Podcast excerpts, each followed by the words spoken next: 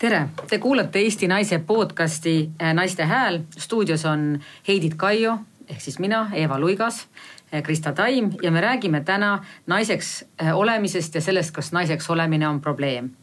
ja miks me sellest siis räägime, et meile tundub, et, et naised on praegu moe, moes, et me oleme praegu me too, hashtag me too ajastul ja, ja naised ja naiste teemad on, on ühiskonnas äh, rohkem kõlapinda võitnud. Eh, võime öelda, et, et valimistel olid naised edukad. Eh, me oleks äärepealt saanud ka naispeaministri, naispresidendi kõrvale, aga võib-olla see ikkagi õnnestub ka ühel hetkel naispresident, naispeaminister eh, meie, meie riiki saada. Ja, ja meil on siis nüüd võimalus mõelda ja arutleda ja vaielda, et kes me sellised oleme ja mis meile meeldib mida me vajame ja mida me armastame, kas me vaja, kas meie naised vajame võimu või vajame tähelepanu või hoopis lilli? Või soovime, et meid kuuldaks ja võrdselt koheldaks? Ja kes need on siis, kes naistelt selle rõõmu ära võtavad, et kas see on siis nagu tõesti konkurents kahe poole vahel või on selles, selles mm, pildis ka veel rohkem osapooli. Et sellest kõigest me hakkame täna rääkima, aga algatuseks tahaks ma hoopis küsida tänaste uudiste valguses, kus, kus juttu on siis sellest, et Keskerakond, EKRE ja Isamaaliit hakkavad võimalikku võimuliitu moodustama. et kas, kas siin on mingisugust võimalust, et, et roll on selles, et, et Kaja Kallas on õbluke naisterahvas või on see siiski lihtsalt poliitiline olukord? Päris keeruline küsimus, ses mõttes, et äh, Kaja Kallas on just selline mõnus naine, keda tahaks näha peaministrikandidaadina, see on muidugi natukene minu puhul seksistlik arvata, et noh, et ilus, kena, kõik on nagu, nagu sobilik selline. ma arvan, et see ei pruugi olla temas kinni, et, et ta on naine et ka kindlasti mehed näeks teda kenasti seal, et seal on mingid suuremad ähm, jõutegurid mängus. küll aga, mida ma olen tähele pannud, et paljud naised arvavad, et mitte mingil juhul ei peaks Kaja Kallas ja. olema. mehed vaataks seda, et oh, kena vaadata ja, ja ilus, tore ja tark ka, aga naiste puhul ma olen märganud seda, et, et äh, sealt nagu tuleb see, et ei, et meil oleks ikka vaja sellist kõva käega tugevat nais- või niisugust mees. no ja kusjuures Kaja Kallas ei ole ju mitte ainult naine, vaid ta tõesti on ka väga kena ja selline habras, ka suhteliselt noor. et, et kui naine on poliitikas, siis ta olgu Angela Merkel või Theresa May või Margaret Thatcher, et seda, seda tundub olevat nagu lihtsam alla neelata sellist jõulist, tugevat emakuju kui tegelikult äh, õblukest naisterahvast jah, kes näeb kena välja, on ka veel tark, suudab rääkida, et ta lihtsalt ei ole mimmu. kui oleks mimmu, siis oleks kohe teada, et paneme asja paika ja. aga kuhu jääb äh, teie hinnangutes Kaja Kallasele see, et ta on tegelikult haritud ja erudeeritud inimene, et ta on olnud äh, täiesti arvestatav, äh, tal on täiesti arvestatav juristi ja advokaadi karjäär ja väga korralik Äh, Brüsseli äh, karjäär just äh, Europarlamendi saadikuna.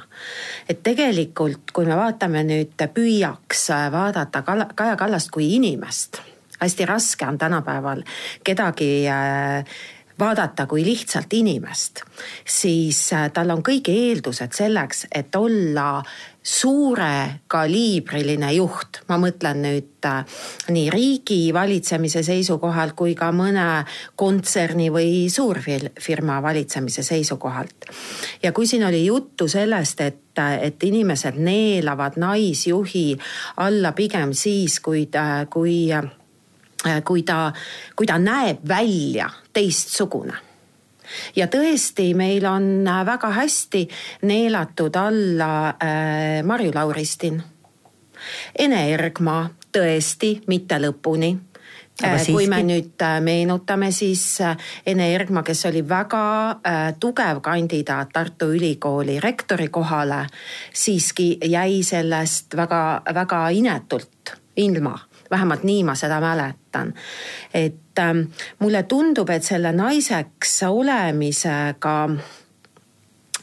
on, on see lugu, et ähm, viimastel päevadel ma olen mõelnud, et oleks tõesti lihtne homme ärgata mehena et sa pead nagu kogu aeg paluma andeks ja eriti just äh, nooremad äh, edasipüüdlikud naised justkui peaksid iga päeva alustama äh, andeks palumisega, et nad siiski on jätkuvalt naised. kui ähm, meil on nüüd olnud president, naispresident, kes ka ju segastel asjaoludel, eks ole ju, väga segastel asjaoludel sai äh, nii-öelda pukki. kui tema on olnud meil nüüd kui palju, kaks aastat või? Äh, ja, ja siiamaani pöördutakse tema poole küsimusega, et mis, mis ta, mis ta arvab, kuidas üks või teine naine kuhugi sobiks, siis ma arvan, et see, et see, see sooline hmm, mittevõrdõiguslikkus või kuidas seda selline, mm, et, et see on meil väga paljudes inimestes ja väga paljudes naistes ikkagi nii meeletult sees, et unustatakse ära, et meil on ka äh, naise na,, naine, kes on meil no Ülle Madise, kus tema meil nüüd töötab? Ähmiga ei tule meelde äh, kohe. õigusnõunik. õigus, just õiguskantsler on meil naine, et äh, meil on äh, tegelikult äh, väga edukad naisministrid olnud, kes vaata. on ka tulnud ei tea kust, mõeldes nüüd Riina Sikkutit. et meil oli väga raskel ajal, Eesti jaoks raskel ajal oli meie suursaadik Moskvas oli naine Marina Kaljurand et, et kui kaua peab üks naine tõestama, et ta on tegelikult inimene? ma arvan, et väga kaua, sellepärast et selle probleemi või probleemi noh, jah, juured ulatuvad väga-väga-väga kaugele.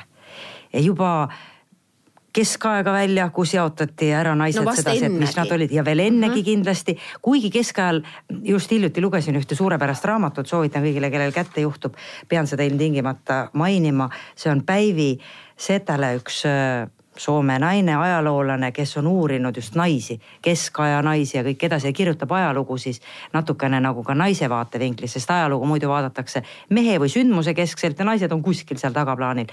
ja juba tema toob ära need määratlused, et, et missugused siis noh, naised kunagi olid või mis nad võisid olla. oligi no üks lihtne määratlus, mis mul meelde tuleb, et äh, olid äh, neitsid, lesed ja abielunaised nagu rohkem ei olnudki, see oli nagu siis need kastid, siis olid veel järgmised kastid, kus siis määrati ära, et äh, kas oli tegemist nunnaga jälle kas abielunaisega või siis lesega.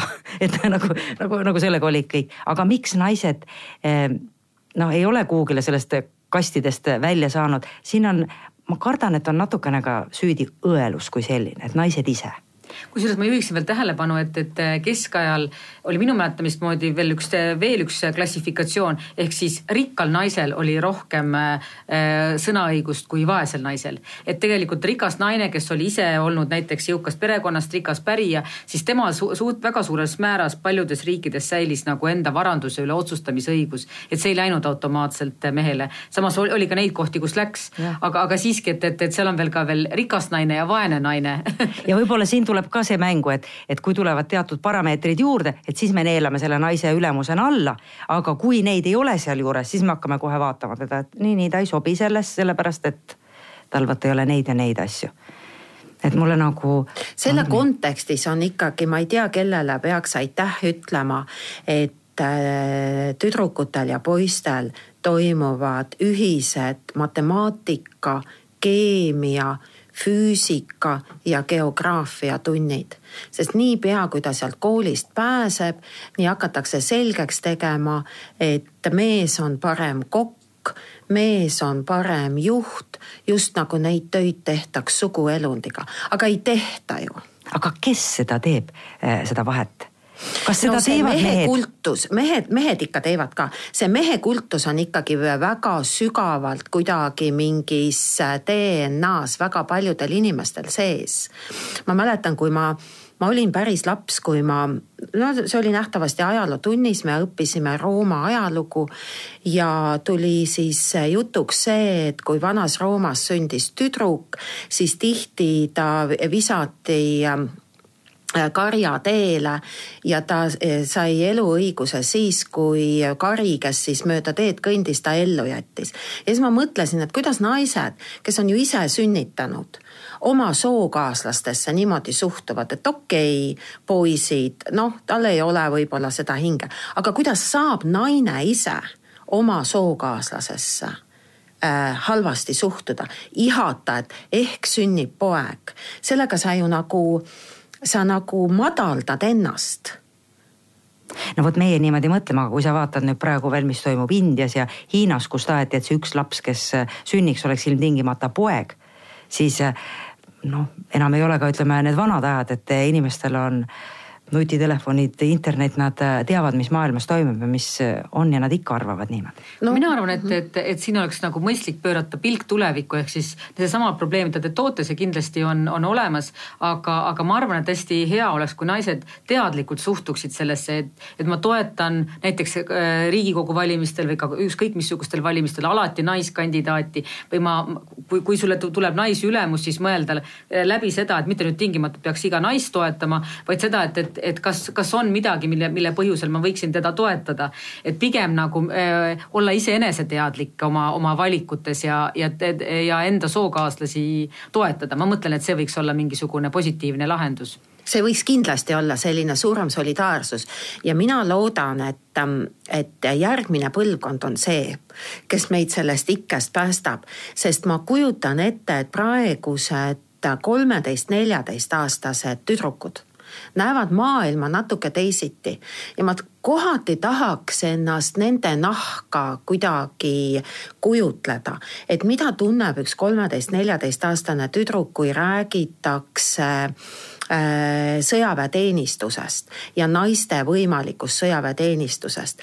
et kas ta, kas tal lähevad ilmtingimata silmad teistpidi pähe ja ta mõtleb ennast kui nooremat sugu mis sa, Heidit äh,, mis, kas, kas sinul, sul on ju tütar küll vanem natuke, aga mida tema arvab? ja kusjuures ma isegi mäletan täpselt sedasama vanust, kolm, kolmteist, kaksteist, kolmteist ja nendel minu meelest oli isegi koolis juttu sellest ja ta tuli koju ja teadis, et tema mõtleb sõjaväkke minna. hiljem tal see mõte kadus ära, aga ta siiski nagu siis, kui see sellel hetkel koolis oli teema, siis ta nagu vaimustus sellest, mis ma arvan, et on väga eluterve. et, et ta ju ei vaimustunud äh, sellepärast, et ta tahaks äh, teha midagi sellist, mida mehed teevad, vaid talle tundus tundus see nagu põnev sellise eneseületusena ja seiklus. ja väljakutsena. ja väljakutsena just täpselt, et, et see, see tundus talle nagu põnevana. kusjuures ma korra hüppan tagasi meie eelneva teema juurde, et Krista minu, minu meelest väga põnevalt juhtis tähelepanu sellele, et, et naised ise on sellised, kes võivad oma loomuomaduste tõttu nagu teisi naisi eh, nagu kas alavääristada või mitte toetada. et noh, tuntud nimetus on siis sellele õelus. et, et selles võib olla omajagu tõtt, et, et, et, et mehed mitte, et see oleks nende miinus, aga et mehed on solidaarsemad. et see, et äh, on ju see, noh tõesti need meesteklubid on olemas, mehed on korporatiivsemad, et äh, mitte et tõesti, et see oleks miinus, vaid et see on nende nagu iseloomuomaduses äh, tugevamalt sees. mille üks osa on ka see, et kui minu meelest kas eile või üleeile oli just kusagilt ähm, näiteks Delfist jooksis läbi uudis selle kohta, kuidas Šveitsis asuva selle suure hadronite põrguti teadusmeeskondades hakati salastama siis selle uurimisgrupi uurimisgrupi sugu.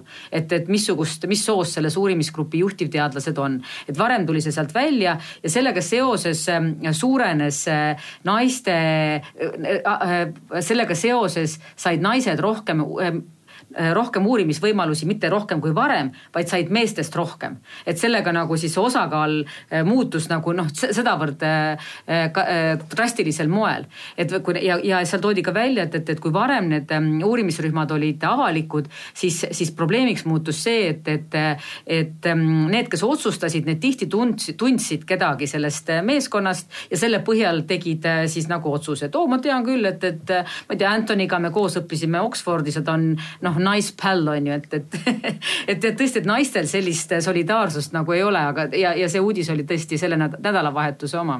aga ma ei tea, kuidas naistes solidaarsust tekitada. ma olen vaadanud seda ka erinevates, ütleme treeninggruppides või kus sa käid ja naistega kokku puutud. ega seda ei ole nii lihtne tekitada, sest ikka hakkavad naised üksteise pealt kuidagi imelikke võrdlusi tekitama.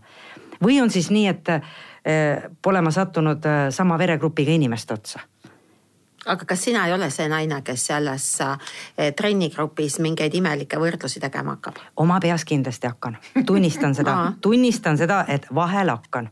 kui ikka sedasi jääb pilk mõnele peale, siis hakkab peas kerima mõte, mõte, mõte, siis ruttu surud selle maha, mõtled ei, ma ometi ei mõtle seda, aga samas ma ole, astun sama reha otsa ise, et ma tunnen seltskonnas, kus on, ütleme noh, mehi-naisi pooleks seal on nagu parem, meeste seltskonnas on veel toredam olla noh, nii, mitte et mul oleks midagi meie seltskonna vastu praegu, mis on ka tore, aga siiski ta vahel on nii, et naised, midagi seal toimub.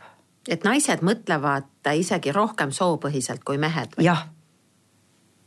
või ma eksin. olla, see võib küll olla, kui me mõtleme, et naisi on ju rohkem ja kõik usinalt muudkui valivad eelkõige mehi. just ja tead, mis on veel või, vaata, kui üks ütleme selline noh, ka rumal mees teeb mingi nalja alati leidub üks naine, kes andunult vaatab ja naerab. kui mõni naine teeb nalja, mis võiks olla naermist väärt, noh siis tavaliselt äh, keegi muigab, võib-olla siis noh, mõni mees, kes tunneb nalja ära, aga ega ei noh, ei ole nii, aga meeste puhul ole sa või alla keskmise, ikka on tore, kuidagi millegipärast. Nende naljad ja, ja need lähevad peale. tõsi, mitte kõigile, ma natuke nüüd üldistan, aga ta kipub niimoodi olema kuidagi kurb järeldus. ei ära tee, aga tead, aga et seda asja muuta, vot siis võiks ju eh, noh, ma ei tea, mulle tuli kuidagi jälle see naistepäev meelde mis alles nüüd hiljuti oli, et mõtle, kui sedasi suudakski hoida, et naised on sellised salapärased lahedad ja meestelt välja võtta rohkem seda dividendi siis selle kiituse ja kõige näol ja et, et nemad hakkaks rohkem naistele tähelepanu pöörama. ma arvan, et see on küll hea plaan, aga, aga kusjuures see naistepäevale tähelepanu juhtimine on hea, et tõesti naistepäev just oli. mis te arvate, kas naistepäev on üldse väärt tähistamist? et, et tal on tõesti selline puna, punamineviku taust ja on võimalus teda tõesti tähele, tähelepanu, tähelepanuta jätta või, või tal võiks olla ka siis kahekümne esimeses sajandis mingi oma koht, mis teie arvate? No mujal maailmas on naistepäevad olnud alati ju äh, ka kahekümnendal sajandil oma kindel koht ja see ei ole olnud üksiku lilleõie kinkimine mitte kunagi. No võib-olla ma, ma ei tea, ma ei tea rääkida viiekümnendate, kuuekümnendate aastate läänemaailmast.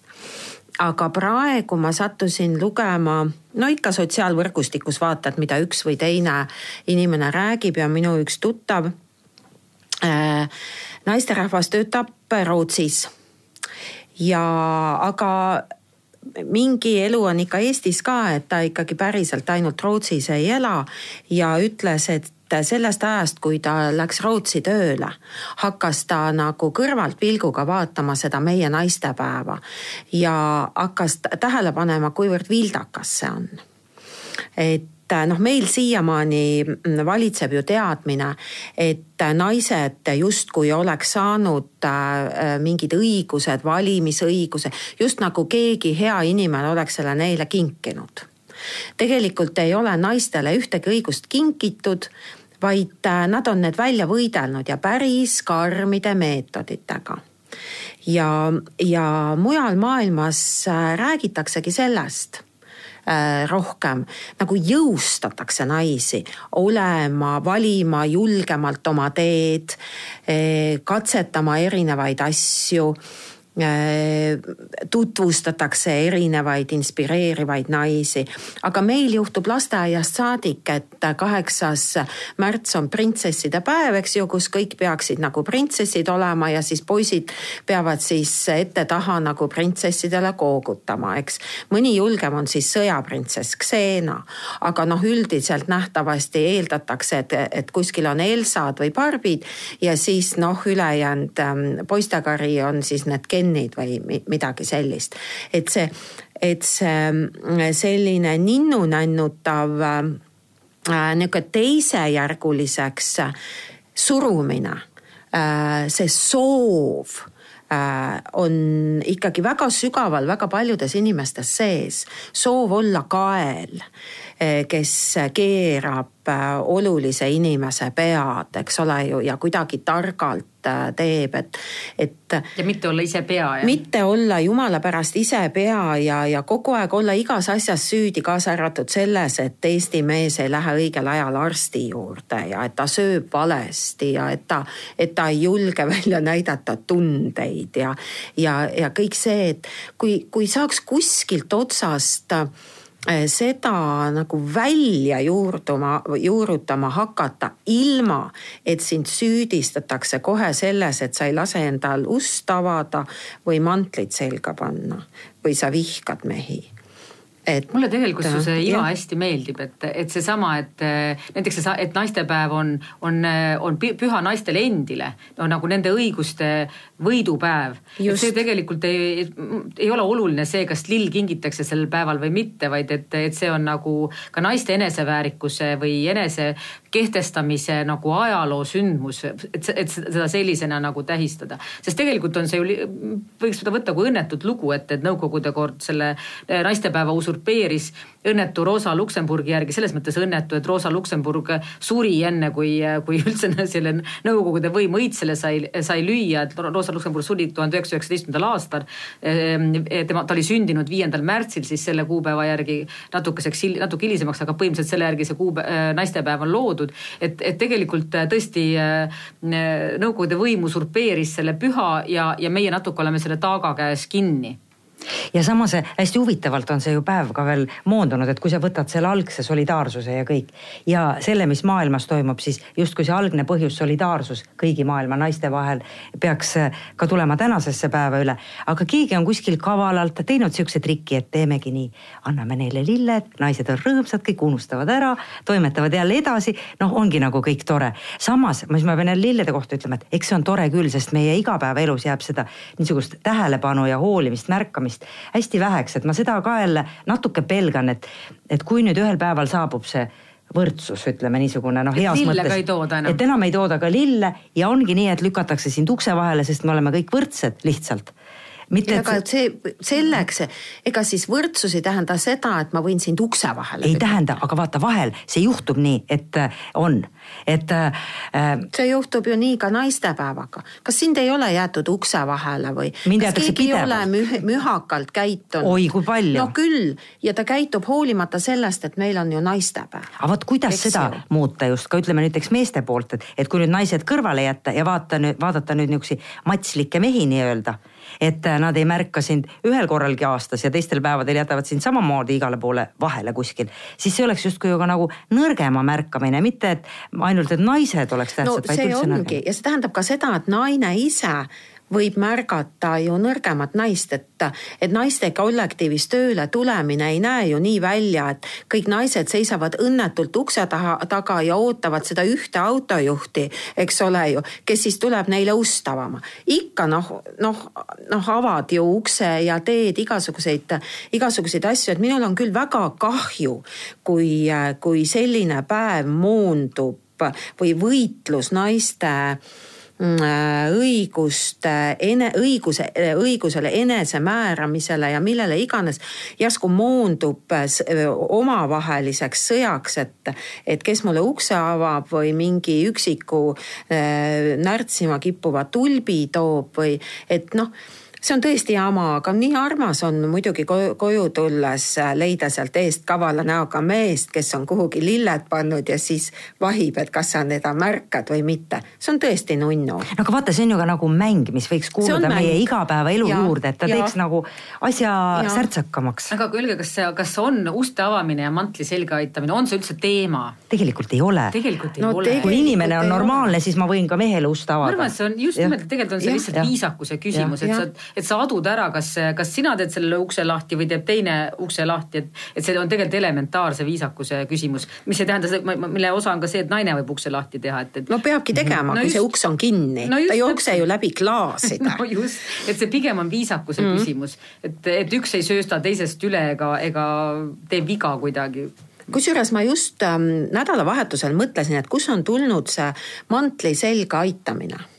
et kas tõesti see madalam osa rahvast, kui me nüüd eestlase peale mõtleme või enamuse inimkonna peale, kes ei ole sündinud kuldlusikas hambus kuhugi kuningakodadesse.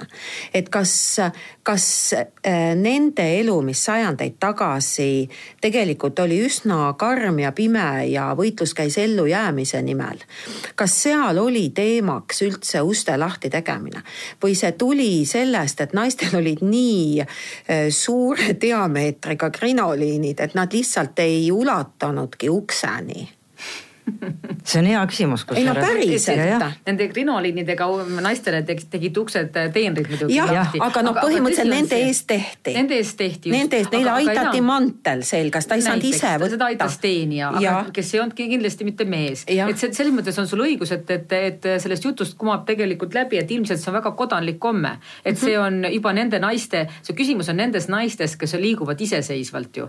kelle, keda ei hooldata ette ega taha ja, ja tõesti see, see, see kindlasti ei olnud talupoja ühiskonna teema, et, et, et Andres aitaks krõõdale mantli selga, et see pigem ja. oleks. see on väga armas, see on väga armas, kui sa lähed koos kuhugi, eks ole, üks aitab mantli selga, teine vaatab, kas lipsusõlm on sirge ja, ja, ja siis üks aitab sul jälle noh pika kleidi luku kinni. ja kõlab väga ja, ja selleks ei ole üldse teen-, teenijat vaja, eks ju, see võib su oma mees olla aga mina märkan seda, et, et see, et need naisõigustuse küsimused, seesama uste lahti tegemine ja, ja mantli selga aitamine, et see ajab mehi tohutult segadusse. ja, ja mulle tundub, et see on täitsa tühja koha pealt, et või noh, nagu asjatu. ja, ja ma nagu kuulen seda nagu jutust, kus inimesed, väga sümpaatsed meesterahvad, kellel kindlasti ei ole mingisuguseid probleeme naiste diskrimineerimise või, või kuidagi hukkamõistuga, on nõutud selles, et mida nad siis tegema peavad või kuidas nad saaksid nagu siis naistele meele järgi olla ja mida nad nüüd siis nüüd jälle nüüd nagu nagu tahaksid.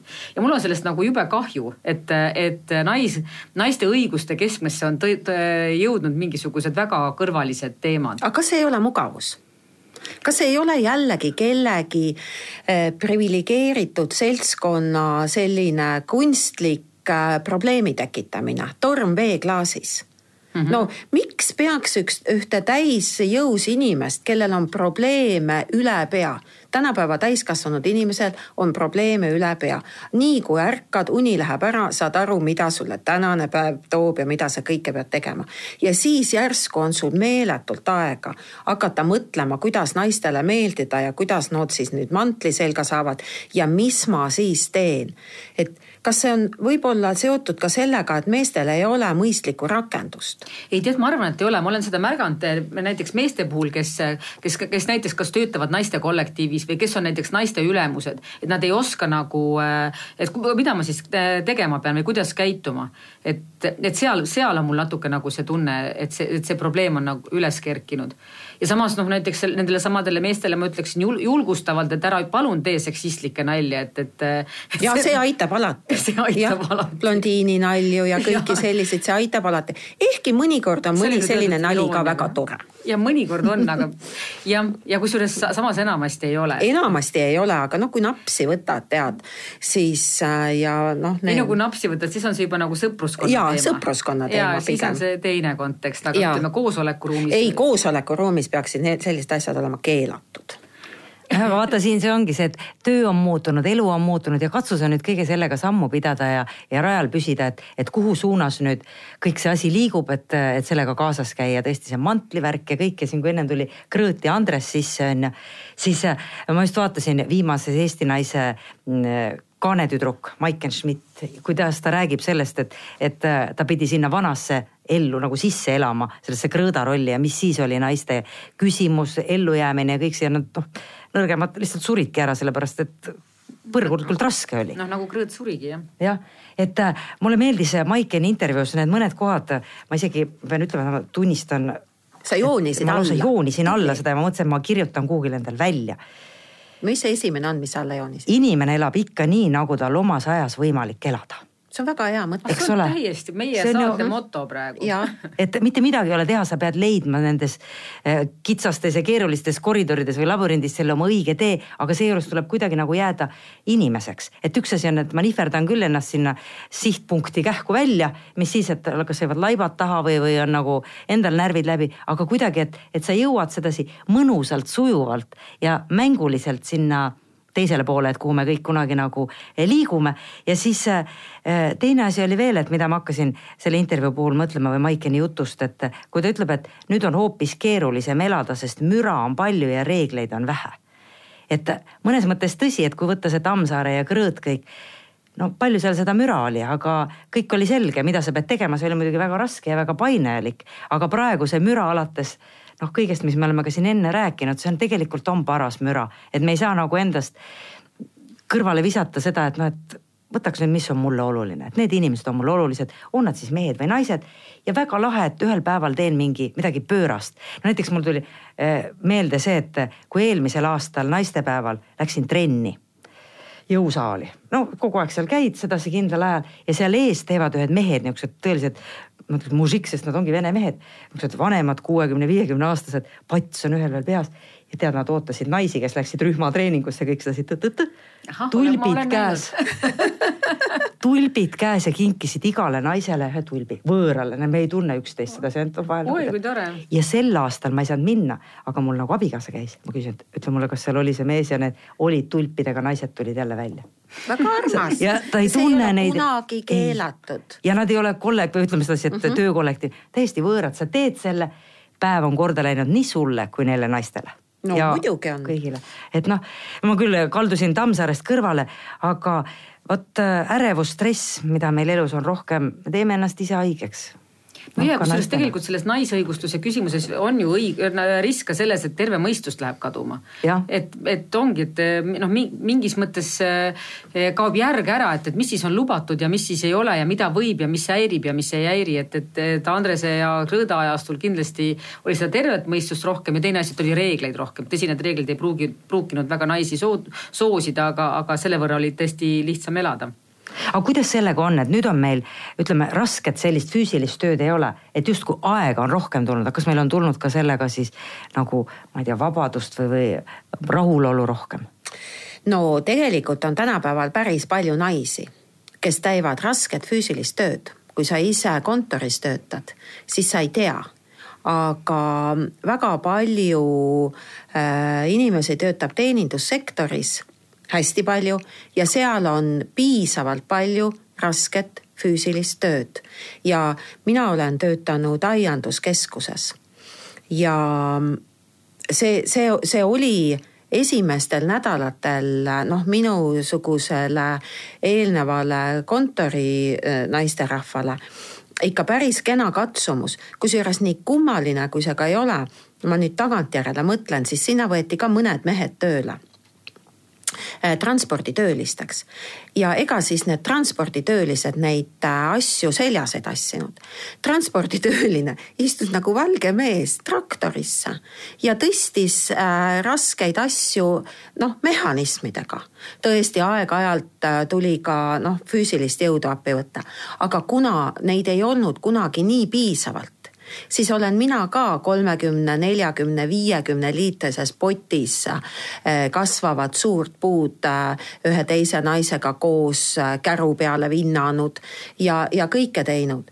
et seda füüsilist kurnavat tööd, kasvõi see, et sa pead üksteist, kaksteist tundi järjest jalgadel olema on tegelikult päris palju. aga vaimne enamus..., aga vaimne kurnav töö, kus sa selle paneksid eee...? kumb on raskem, sa oled mõlemat teinud?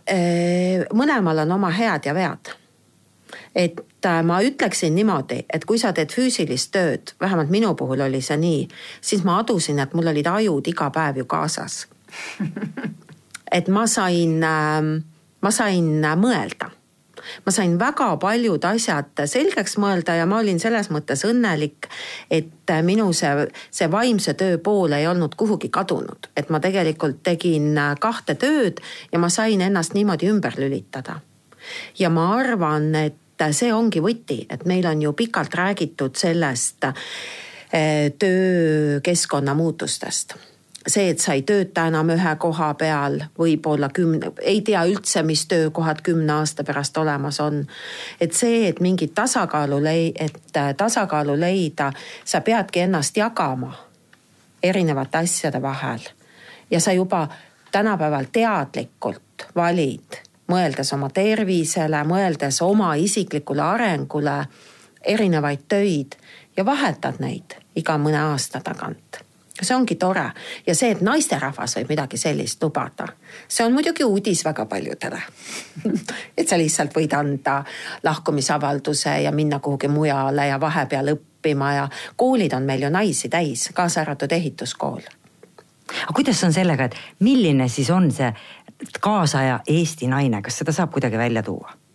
Kui me oleme siin nüüd nagu ajas lipanud, ütleme ühele poole, teisele poole teinud siksakke, et, et aga milline ta praegu on ja, ja kuhu ta võiks minna? teema ses mõttes, et seal saab ka geograafiliselt liikuda praeguses ajas, et kas, kas Eesti naisel on rohkem või, või vähem õigusi kui näiteks saksa naisel või inglise naisel või prantsuse naisel või, või rootsi naisel, et, et seda, seda mõttemängu annab täiesti mängida ja ma olen ka tegelikult mõtisklenud selle üle oma varasemas elus ka, olles, olles Skandinaavias elanud et siis, siis ma julgen väita küll, et Eesti naisel küllap on vähem õigusi kui, kui Skandinaavia naisel, aga samas näiteks ütleme, Saksa või Prantsuse naise puhul ma noh, see sõltub muidugi erinevatest, erinevatest ühiskonnakihtidest ja, ja, ja taustast, aga, aga nende puhul ma ei ole üldse kindel, et Eesti naisel tingimata vähem õigusi on et ja siin tuleb jällegi see, seesama Nõukogude taakmängu, kus tegelikult äh, Nõukogude võimud, tänu Nõukogude võimule ja kusjuures ma üldsegi ei, ei ütle seda irooniliselt, on, on Eesti naistel väga äh, suur tööga hõivatus ja, ja,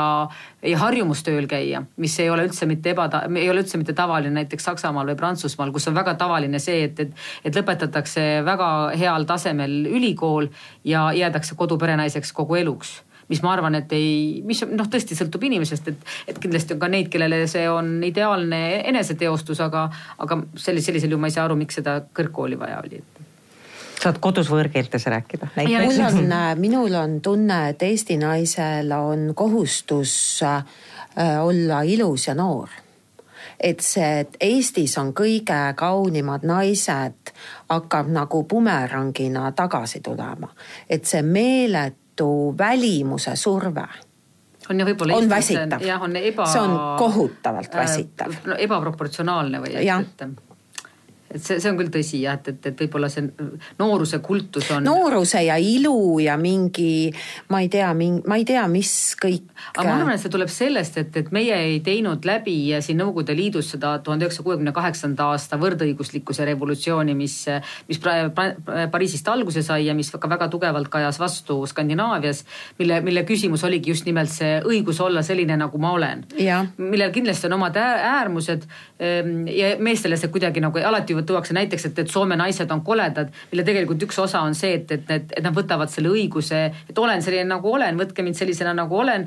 ja, ja, ja mehed tihti panevad seda pahaks, et, et no kuidas kuidas sa saad endale lubada selline, ma ei tea, paks olla või, või et sellise sorgussoenguga või sellist ebaseksikat türpi kanda, et, et aga, aga see tõesti on jah, selle kuuekümne kaheksanda aasta revolutsiooni tulemus, mida, mis meil jäi siin läbi mängimata ja et naised sealpool äh, Soome lahte võtavad endale õiguse olla nagu mehed või vabaduse. sellised õiguse ja vabaduse olla sellised, nagu nad on, et nad võtavad sellesama õiguse ja vabaduse, mille on võtnud endale mehed. aga kas te ise olete oma igapäevas noh, näiteks teinud sellist asja, et võtangi õiguse ja vabaduse olla täna kole selles mõttes, et, et noh, äh, ma tean ennast, et kui ma lähen ikka maale, siis ma ikka vahel ei tunne mind ütleme naabrid ka ära, kui ma kuskilt põõsast välja järsku hüppan, et, et see on vahel nii mõnus. no ma arvan, et meie äh, kirjastuses praegu, vähemalt meie toimetuses, me võtame iga päev endale vabaduse tulla meikimata tööle, kui me aga te olete naiskollektiiv? Ei no, no vahet väga. ei ole. ja selles mõttes me oleme, kollektiiv on nais, aga, aga siis selles mõttes me, meie töökeskkonnas on ikka mehi karjade kaupa. nüüd on jah karjade suures, kaupa, et nüüd on ikka kohe valikut kihiseb neid suisa, aga lihtsalt see, et, et et sa võtad endale õiguse olla loomulik, mina olen seda eluaeg teinud ja, see on väga läinud? mõnus, väga hästi on oled läinud. sa ka kannatanud selle läbi? ma ei kannata tobeduste all. aga kust sa tead neid, ütleme noorena, kas see on nüüd tobe või on see nii, et nii peabki olema? ma tegin endale üsna noorelt selgeks, et ma võin teeselda äh, täna, et ma kogu aeg paksult värvin silmi, aga ma unustan ju enda mõnikord ära. on ju, ma unustan ära ja ma tegelikult ei peta kedagi äh, ma, ma, ma ei saa näida kellegi teisena, sest äh, ma olen äh, läbi näinud ka ju neid inimesi, kes püüavad kõigest hingest näida kellegi teisena ja see on natukene hale ja ma ei ole viitsinud selle mänguga kaasa minna.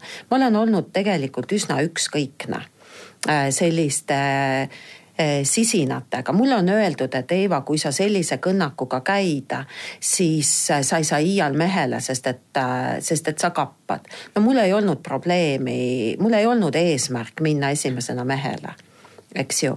või et noh, ma põristan R-tähte, eks ju, et, et äh, ikkagi kostab ju välja ja, ja näiteks noh, mul on selline hääletoon, mida inimesed ikkagi võib-olla endale raha eest ei ostaks aga, aga ma sain aru, et mul lihtsalt noh, et mul on selline ja tõesti oleks mulle keegi kakskümmend aastat tagasi öelnud, et ma oma sellise näo ja sellise häälega võin raha teenida, siis ähm, no ma ei oleks seda uskunud aga miks sa siis ei oleks uskunud, kus oli see nagu see eh, noh, et sa lõpuks hakkasid uskuma, et võin küll ja olengi ja ma tunnengi, et ma olen. aga ma erinev. ei, ma ei hakanud seda tegema sellepärast, et ma hakkasin uskuma, ma unustasin selle tegelikult ära see tuli mulle lihtsalt üks päev meelde, et kuidas nii on juhtunud, et, et äh, mind on võimalik televiisoris näha või teinekord, eks ju, raadios kuulda ja et see nagu ei segagi aga vot kuidas teha seda meie nagu ütleme suguõdedele, teistele, kas siis selgeks või kas seda ongi vaja selgeks teha, et, et vot kuidas saada sellest üle või leida endasse enesekindlus, jõud, et ma noh, olen sedasi ja mis siis, et olen, et ma olen ka niimoodi õnnelik, et ma ei pea olema. ma nagu arvan, et see on teised. tegelikult meie selle saate alguse teema, et konkurentsi teema et siis, kui sulle see konkurents enam väga ei morjenda või see ei ole enam väga tähtis, siis sa võid olla ka selline, nagu sa oled, et, et kui iga päev ei ole võitlus siis, siis, siis enam ei ole see ka tähtis, missugune, mis, kas sul täna täpselt on äh, silmad värvitud või, või ei ole või kas, kas figuur on perfektne või ei ole, et, et see on see hetk, ma arvan. ma soovitan naistel käia lahtiste silmadega ringi tänaval, poes, teatris, kinos, kontserdil ja vaadata, millised inimesed on teineteist leidnud mm. -hmm. Need on täiesti tavalised Tõsi. inimesed ja, ja see peakski olema nagu väga lohutav. et lõppude lõpuks on meil kõigil üks elu ja me kas mürgitame seda või me sillutame või me tegeleme oma teekonna sillutamisega Äh, et me ei mõtle endale probleeme välja. lihtne on muidugi äh, sellest rääkida, kui sul ei olegi noh, mingit haigust või noh, mingit puuet või midagi sellist. aga üldjuhul noh, minul on küll nii suur elutahe, et ma ei viitsi endale probleeme ise välja mõelda ma ei tea, kas me jõuame lõppu veel äh, sihukeste suure elutahte ja suurte lugudega naistest rääkida äh,. vot selles viimases numbris need äh, Eesti saadikud või mõni Eesti naiste Eesti saadikud mm, -hmm. et need on ju kõik on nagu täiesti sellised, et, et lugedes neid äh, eraldi, siis mõtled, et igaühe taga oleks nagu terve raamat või romaan peidus. et kuidas te need leidsite ja, ja kui lihtsalt inimene noh, on nõus ennast äh, olnud avama ja rääkima nendest asjadest või ja see on hästi põnev äh, lugu, ma olen nõus sinuga, et, et me, me seekord ähm, sellel juubeliaastal otsustasime, et me tahaksime olla nagu rohkem eh, tavaliste naiste eeskõnelejad, mida me, mida ma, ma loodan, et me oleme, Eesti naine on üheksakümne viie aasta jooksul olnud seda küll ja küll. ja kindlasti oli terve nõukogude aeg tegelikult epohh selleks, et olla tavaliste naiste eeskõnelejad. ja see ei olnud, see ei ole kuidagi nagu irooniliselt või halvustavalt öeldud, vaid tegelikult suure, suure lugupidamisega. aga, aga võib-olla siin jah, et, et et viimastel aastatel on, on äh, läinud ajakirjanduses rõhk siis nii-öelda tavalistelt äh, inimestelt ära ja, ja läinud nagu siis sellise võib-olla skandaali või ebanormaalsuse otsimiseni, et kui sul ikka kuud näppu ei ole, siis sa ikka ajakirjandusse ei pääse või kui sul midagi nagu väga ebatavalist, mingit ebanormaalsust ei ole, siis, siis sa nagu äh, huviorbiiti ei pääse. ja me tahtsime tegelikult äh, siis äh, nagu normaliseerida tavalisust või nagu me kõik oleme, et, et seda, seda olukorda nagu normaliseerida. ja mõtlesime välja siis ähm, sellise institutsiooni nagu Eesti Naise juubelisaadik ja palusime naistel saata endast lugusid ja, ja neid, kes ja palusime siis neid, kes oleksid huvilised olema siis need juubelisaadikud. et ähm, samas me kartsime, et, et, et kas meie mõte üldse jõuab kohale, et mida see tähendab olla juubelisaadik või esindada kedagi, et, et peale iseenda, et, et esindada lihtsalt Eesti naist kui sellist. ja see jõudis jube hästi kohale, et meile tuli neid kirju tõesti väga-väga palju, kui ma õigesti mäletan, siis oli see midagi saja ja kahesaja vahel, et neid oli ikkagi äh, küll ja küll ja, ja, ja lõpuks me pidime siis tegema mingisuguse valiku ja tegelikult see valik sai selle, selles mõttes ebaõiglane, et, et me püüdsime leida nagu siis naisi erinevatesse vanuseklassidesse, erinevate, erinevate taustadega nagu võimalikult, võimalikult eri, noh nagu erinevaid naistegruppe esindama, mille tõttu kindlasti jäi tähelepanuta või noh, jäigi tähelepanuta keegi, mõni teine, kes on, kes oli ka väga lahe, aga kellega lihtsalt oli, oli, oli mingi paratamatus võrdluses äh, mõne teise, teise inimesega. ja, ja, ja pluss seal siis ka see, et nad oleksid nagu siis kataksid kogu Eestiks, e-, Eestit, et see oleks siis nagu ainult Tallinna naiste, vaid ainult äh, Tallinna ja Tartu naiste koondpilt. ja, ja, ja me saime sellest minu meelest ühe väga-väga vinge komplekti naisi, kus tõesti loed neid äh, lugusid või, või kuulad neid lugusid ja imestad, et, et no ilukirjanduses või ei mõtle sa selliseid, selliseid elusid ja selliseid, selliseid lugusid välja. et seal on nii traagilisi lugusid ja samas naiste puhul, kelle, kelle, keda kohates sa mõtled, et vaatad talle otsa ja mõtled, oh teda on küll kindlasti elu hellitanud, et ta näeb, ta noh, täpselt selline välja. ja siis kuulad seda lugu, et see ei ole võimalik, et kuidas, kuidas on niimoodi ühel või teisel inimesel läinud, et kuidas on saatus niimoodi nöökinud ja samas ka seda, kuidas on suutnud jääda eh, või suutnud olla sedavõrd noh, nagu särav ja kaunis ja, ja seal on ka siis äh, hästi kihvt on näiteks on üks, üks naisteadlane, kes uurib hunte et noh, täpselt selline eneseteostuse vorm, mida, mida mõtleks, et oh kui äge, nii äge, et keegi, keegi selliseid asju teeb. siis on seal, noh, ma praegu peast tuletan meelde, et, et on, on üks äh, vanem naistreener, kes on äh, tõesti aastaid treeninud ujujaid ja tema puhul oli, ta ise on üliäge, kindlasti väärt seda tähelepanu, aga tema puhul eriti armas oli see, et, et see, kes ta üles andis, oli tema enda mees. ja, ja selles, seal kirjas kirjutas ta, et noh, et ta mõtleb, mu naine mõtleb, et ta on nüüd juba vana, aga minu meelest on ta päris kobe ja me, siis me kõik itsitasime toimetuses ja me ja mõtlesime, et no tegelikult tahaks, et keegi enda kohta ka ütleks niimoodi vastu kaheksakümmend selliseid, selliseid sõnu. et ja need on hästi-hästi kihvtid äh, naised, väga soovitan seda lugeda ja ma olen kindel, et te, te kõik heldite, kui loete neid lugusid. issand, mul tuli nüüd praegu hakkasid meenuma sedasi mälusopist vinged naised, keda ma olen eluteel kohanud ja kes on mulle igaüks jätnud mingi sellise asja. ma mõtlen nende üle kodus järgi nüüd jah, aga noh, see ongi nüüd suurepärane võimalus otsad kokku tõmmata, et te kuulasite Eesti Naise podcast'i Naiste Hääl. stuudios olid Heidit Kaio, Eva Luigas ja Krista Taim. kena päeva teile